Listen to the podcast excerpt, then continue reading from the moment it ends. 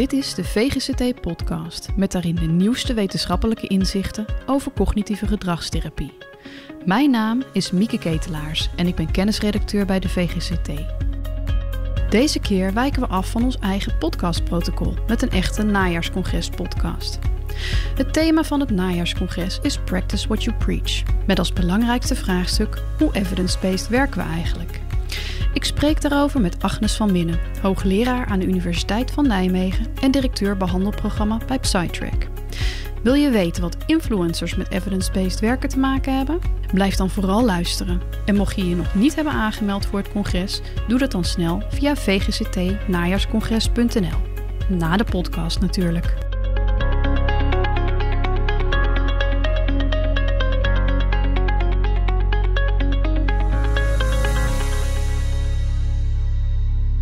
Agnes, welkom. Het thema van vandaag, Practice What You Preach. Is dat een belangrijk thema? Ja, ik denk dat niemand daar nee op zal zeggen, toch? Dat, uh, dat lijkt me heel belangrijk. En het belangrijkste daarachter is natuurlijk niet zozeer dat we per se evidence-based werken, maar dat je je patiënt de beste behandeling geeft die er op dat moment is. Nou hebben we allemaal uh, toch wel een wat ander idee bij wat evidence-based werken eigenlijk is. Wat versta jij daaronder? Ja, dat is best een goede vraag inderdaad. Kijk, enerzijds heb je het dan natuurlijk over hè, welke behandelingen zijn in onderzoek effectief gebleken ten opzichte van andere behandelingen bijvoorbeeld. En als dat dan zo is in een aantal studies, dan noem je die behandeling evidence-based. Uh, maar ik zie het ook wel veel breder nog, dat je eigenlijk ook in je eigen praktijk altijd evidence-based moet werken. Wat voor mij inhoudt ja, dat je eigenlijk altijd een hypothese maakt. Hè. Dat is eigenlijk je behandelplan natuurlijk, je holistische theorie bijvoorbeeld. Mm-hmm. En dat je daar een behandelplan op maakt en dat je dat dan ook weer na een paar uh, sessies evalueert. En daarmee ook je behandeling weer ja, of voortzet of verandert naar aanleiding van die resultaten. Dat vind ik ook evidence-based werken. Dan heb je het dus eigenlijk over uh, twee niveaus. Het niveau van de behandeling en het niveau van de individuele cliënt... waar je eigenlijk evidence-based uh, werken op kan baseren. Ja, precies. Ja. Als we het dan hebben over dat behandelniveau, dan pleit onder andere Pim Kuipers voor een specifieke standaard over wanneer een behandeling evidence-based is. Denk je dat dat helpend kan zijn?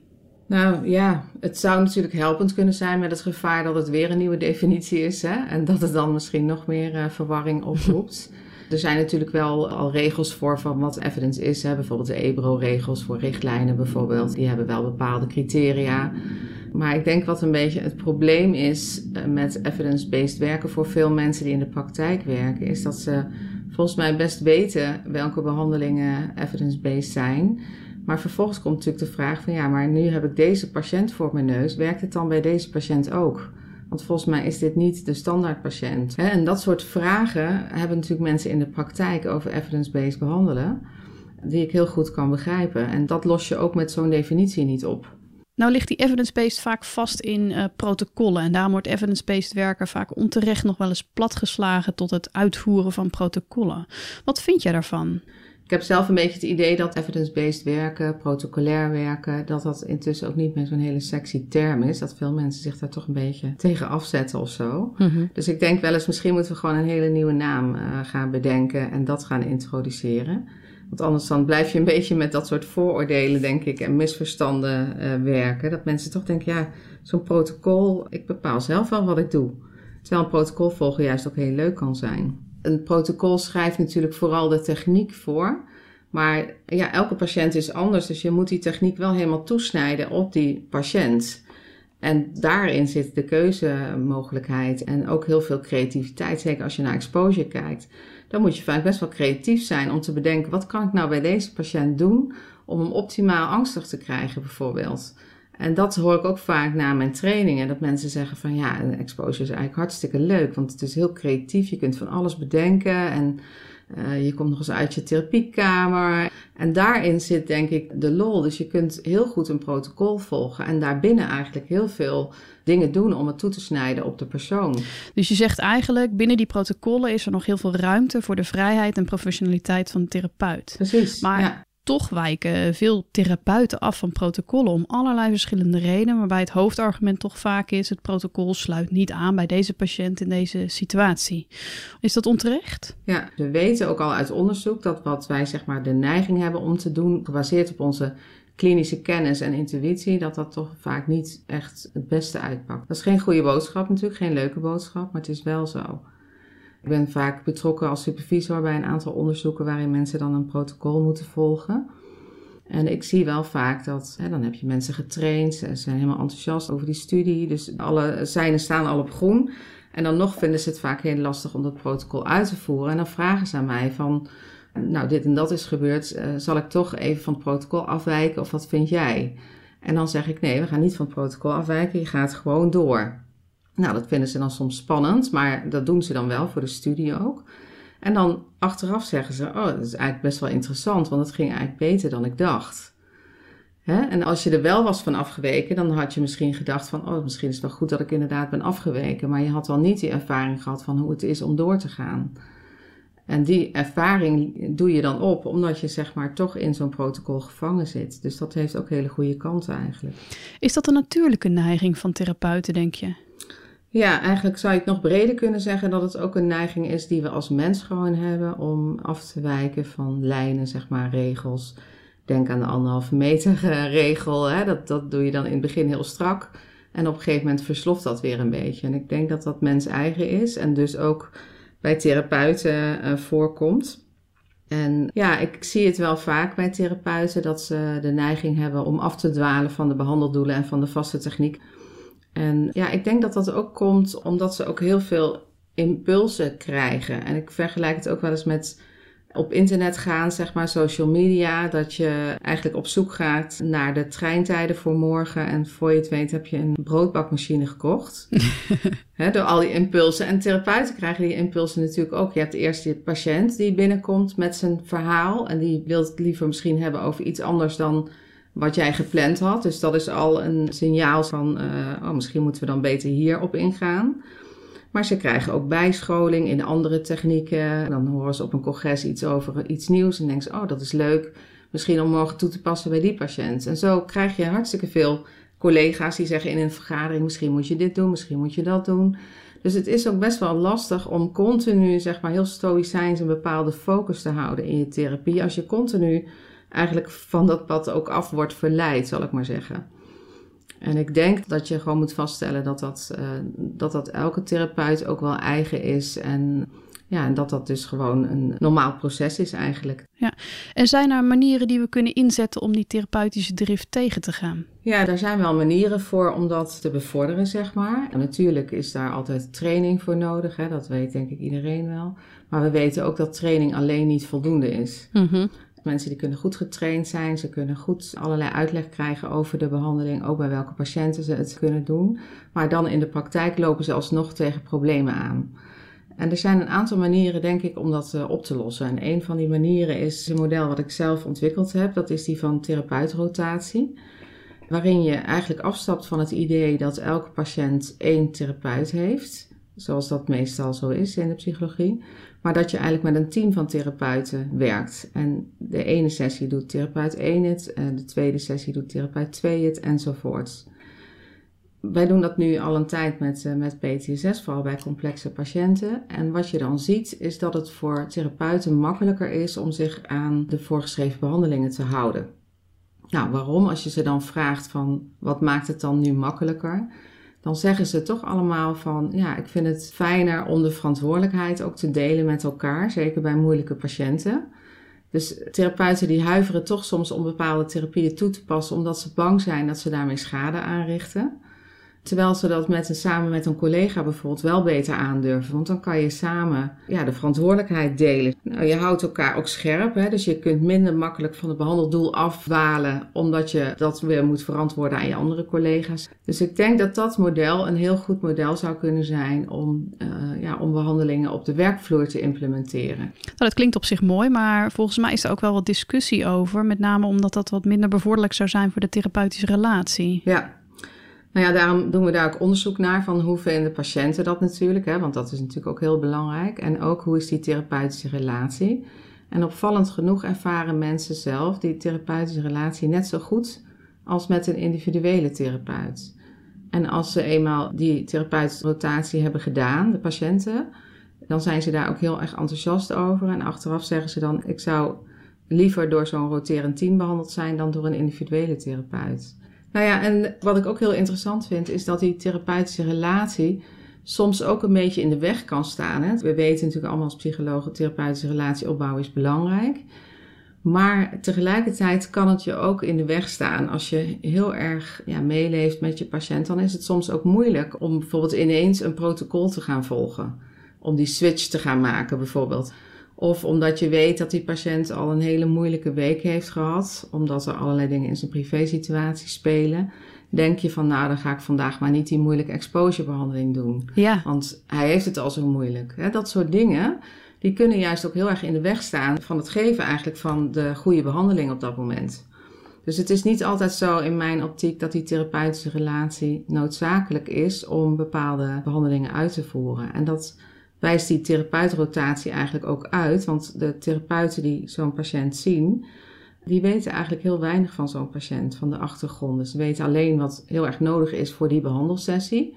Maar verder weten ze eigenlijk helemaal niks. En toch gaat dat heel goed en hebben patiënten ook vertrouwen in die therapeut op dat moment. En zijn er naast training en therapeutrelatie nog andere mogelijkheden? We weten ook uit onderzoek dat je daarnaast ook supervisie moet blijven geven. Dus alleen een training is niet voldoende, want in de praktijk kom je natuurlijk allerhande problemen tegen die dan weer net niet in het boekje staan. Dus ik denk dat je daar aan de supervisie moet koppelen. En dat zou je ook kunnen doen in de vorm van bijvoorbeeld, ja, ik zie dan een soort uh, helpdeskje vormen. Dat kan bijvoorbeeld op een app zijn. Hè? Dat hebben we bijvoorbeeld bij onderzoek nu ook. Als ik dan een supervisie geef over een bepaald eh, onderzoek in exposure bijvoorbeeld, dan moet ik dus al die therapeuten superviseren dat ze het protocol volgen. En dan kunnen ze mij appen over hoe hun sessie is gegaan, maar ze kunnen ook al hun vragen of twijfels die ze hebben aan mij appen tussendoor. En dat is natuurlijk heel fijn, want die therapeut denkt dan van, oeh, heb ik dit wel goed gedaan? Ik vind het een beetje spannend of uh, heb ik een fout gemaakt of niet? Nou, die appen dan even naar mij en dan kan ik terugreageren van, nou, dit was wel goed of nee, goed gedaan. Of misschien kan je de volgende keer dit oppakken. En ik denk dat dat enorm werkt in het implementeren daarvan. Want als je twijfelt, dan denk je toch de volgende sessie, nou, ik doe het toch voor de zekerheid, maar niet. Want stel je voor dat dit fout is, dan breng ik misschien schade toe. Ja. En dat wil je niet. Dus zulke laagdrempelige opties zouden denk ik heel goed kunnen werken om dat meer te implementeren. En ik denk ook dat we misschien wat meer, ja, we zouden ook wat meer moderner kunnen denken dan alleen maar in het ouderwetse model van trainen en dan moeten mensen het toepassen. Je zou kunnen denken aan het inzetten van influencers bijvoorbeeld, die mensen op therapiegebied beïnvloeden. En ik denk als je dat, als je een campagne op zou zetten over het toepassen van exposure, ik noem maar wat, en je zou dat op zo'n manier, zeg maar, ook meer ja, de reclame voor maken. Mensen steeds beïnvloeden op, via allerlei kanalen om dat te doen. Dan denk ik dat dat ook heel erg kan helpen. Nou ja, influencers, dat klinkt nog wel heel ver in de toekomst. Maar ik kan me wel voorstellen dat dat soort dingen goed kunnen werken om als voorbeeld te dienen. Ja, en misschien ook een beetje uit te dagen. Van een challenge, van uh, doe deze week allemaal een, uh, een exposure buiten je behandelkamer, ik noem maar wat. En dan wat, laat je wat voorbeelden zien van wat mensen doen. Ja, dat is hartstikke leuk, denk ik. En dat, dat stimuleert mensen ook, want dan zien ze filmpjes van anderen. Van, oh, hey, zo kan het ook. En dan wordt het ook iets leuks in plaats van, hmm, evidence-based, hmm, stom protocol, weet je wel. Dus ik denk, we moeten het een beetje upspicen. Maar die voorbeelden die je geeft impliceren dat we wel veel meer met elkaar gaan meekijken. Mhm. En ik kan me zo indenken dat dat voor veel therapeuten best lastig is. Dat het je toch kwetsbaar maakt. Zeker omdat het gaat om je professionaliteit. Ja. Ja, dat zie je met die therapeutenrotatie bijvoorbeeld ook. Toen mensen dat in het begin uh, gingen doen, nu bij ons in ieder geval iedereen eraan gewend, maar in het begin vonden mensen dat ook wel spannend. Want we zijn natuurlijk heel erg ook gewend om in onze eigen behandelkamer een beetje te freewheelen, zal ik maar zeggen. En nu kijk dus een heel team van andere therapeuten, die zien precies wat jij de vorige keer allemaal hebt gedaan en wat je niet hebt gedaan. Of de patiënt zegt, nou, de vorige therapeut zei dat. Dus in die zin maak je jezelf daarmee ook een stuk kwetsbaarder. Dus dat vonden ook heel veel mensen best wel spannend ook in het begin. En dat snap ik ook heel goed. Maar uiteindelijk overwint dan toch dat mensen zeggen: ja, ik maak mijn werk zoveel leuker. Want je leert er ook heel veel van. Want ja, soms kun je zelf uh, niet echt goed je patiënt ergens toe brengen, bijvoorbeeld. En dan lukt het jouw collega wel. Dat is natuurlijk heel leerzaam. Van wat heb jij nou gedaan dat het wel lukte, wat mij niet lukte? Oh, wat een goed idee. Nou, dat kan ik de volgende keer ook weer doen. Dus het is in die zin ook ja, heel leuk. Maar in het begin herken ik wel wat je zegt, dat, dat sommige mensen ook wel een beetje angstig waren. Van oeh, er kijkt iemand mee in mijn keuken. En ik denk dat we dat veel meer zouden moeten doen. Ook met elkaar meekijken en ook een sessie gewoon binnen kunnen lopen en daarnaast gaan zitten. Dat soort dingen. Dat, ik denk dat we dat veel meer zouden moeten doen. Als we nog een niveau hoger gaan, eh, naar die van richtlijnen en vooral ook zorgstandaarden. De afgelopen jaren is daar hard ingezet op die zorgstandaarden. En vaak komen die toch wel met veel pijn en moeite tot stand, omdat er veel verschillende perspectieven bij betrokken zijn. En volgens mij levert dat ook nog wel eens een standaard op waar de individuele stakeholders niet helemaal achter staan. Hoe verhoudt zich dat dan tot evidence-based werken? Ja, goede vraag.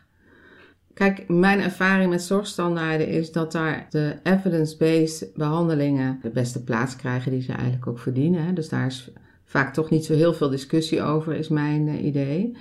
Maar dan kom je op heel veel punten waar eigenlijk nog geen evidence voor is.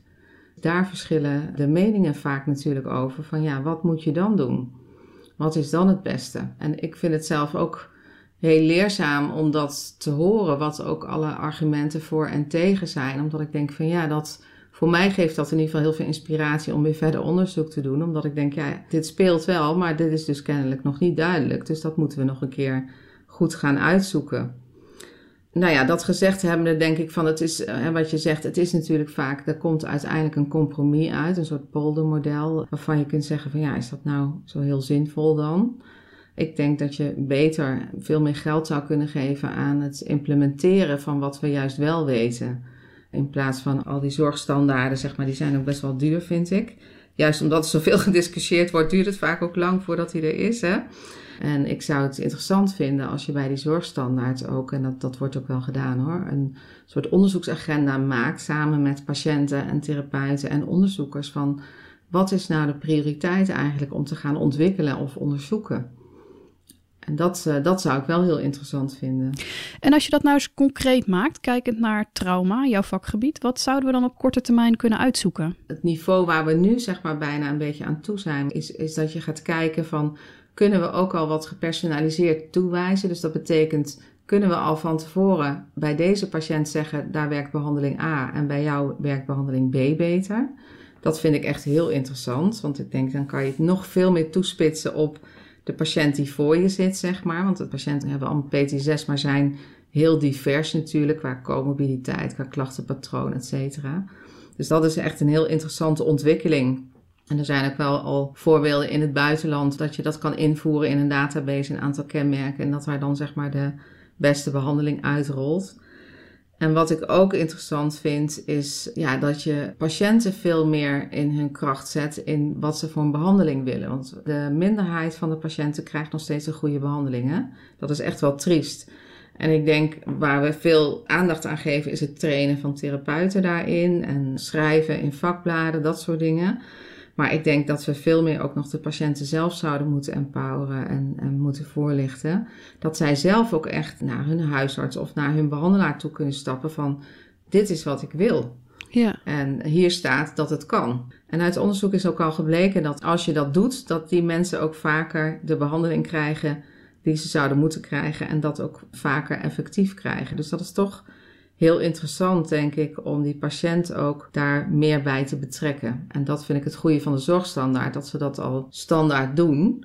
Maar ik, ik zou dat dus veel breder nog willen. Dus ook alle patiënten die nog thuis zitten, zeg maar, en uh, nog niet in de GGZ zijn beland. En die wil je natuurlijk ook voorlichten. Ja, nou had je het misschien al wel zien aankomen. Gezien het thema kan ik het natuurlijk niet nalaten. Want hoe evidence-based werk jij? En heb jij als professional specifieke valkuilen? nou ja, niets menselijks is mij vreemd. Dus um, ik denk ook dat je dat hele thema van dat je afdrijft eigenlijk van je behandeling en van je doelen dat je dat niet moet aankaarten als iets belerend of bestraffend van jij doet het niet goed. Dat we veel meer met z'n allen moeten vaststellen van dat is nou eenmaal iets wat inherent is aan mensen en dus ook aan ons wat wij doen. En datzelfde geldt dus ook voor mij. Als je mij een behandeling zou laten doen, dan heb ik zelf soms ook de neiging om daarvan af te wijken of even iets anders te doen. En ja, ik ben tegenwoordig veel meer betrokken, ook als supervisor bijvoorbeeld. Dus dan ga je al automatisch een sessie in die niet zo goed loopt, waarin het protocol eigenlijk niet zo goed loopt, om daarin mee te kijken van wat kun je daarin doen.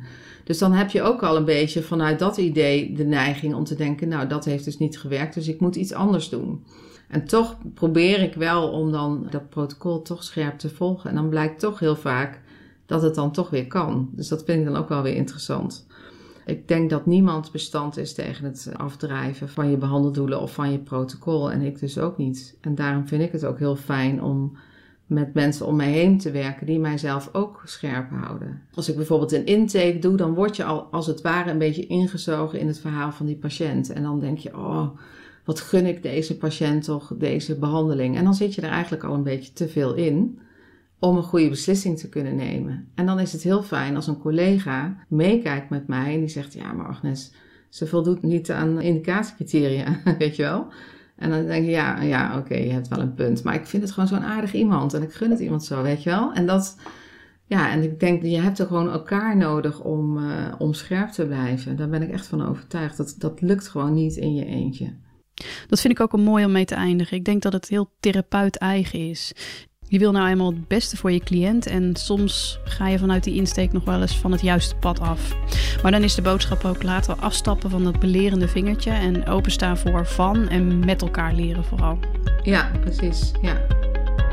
Dat was hem voor de speciale najaarscongres podcast.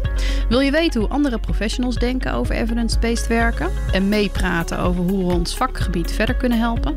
Meld je dan vooral nog even aan voor het najaarscongres via vgct-najaarscongres.nl. En voor deze podcast geldt natuurlijk dat we de volgende aflevering gewoon weer volgens protocol doen.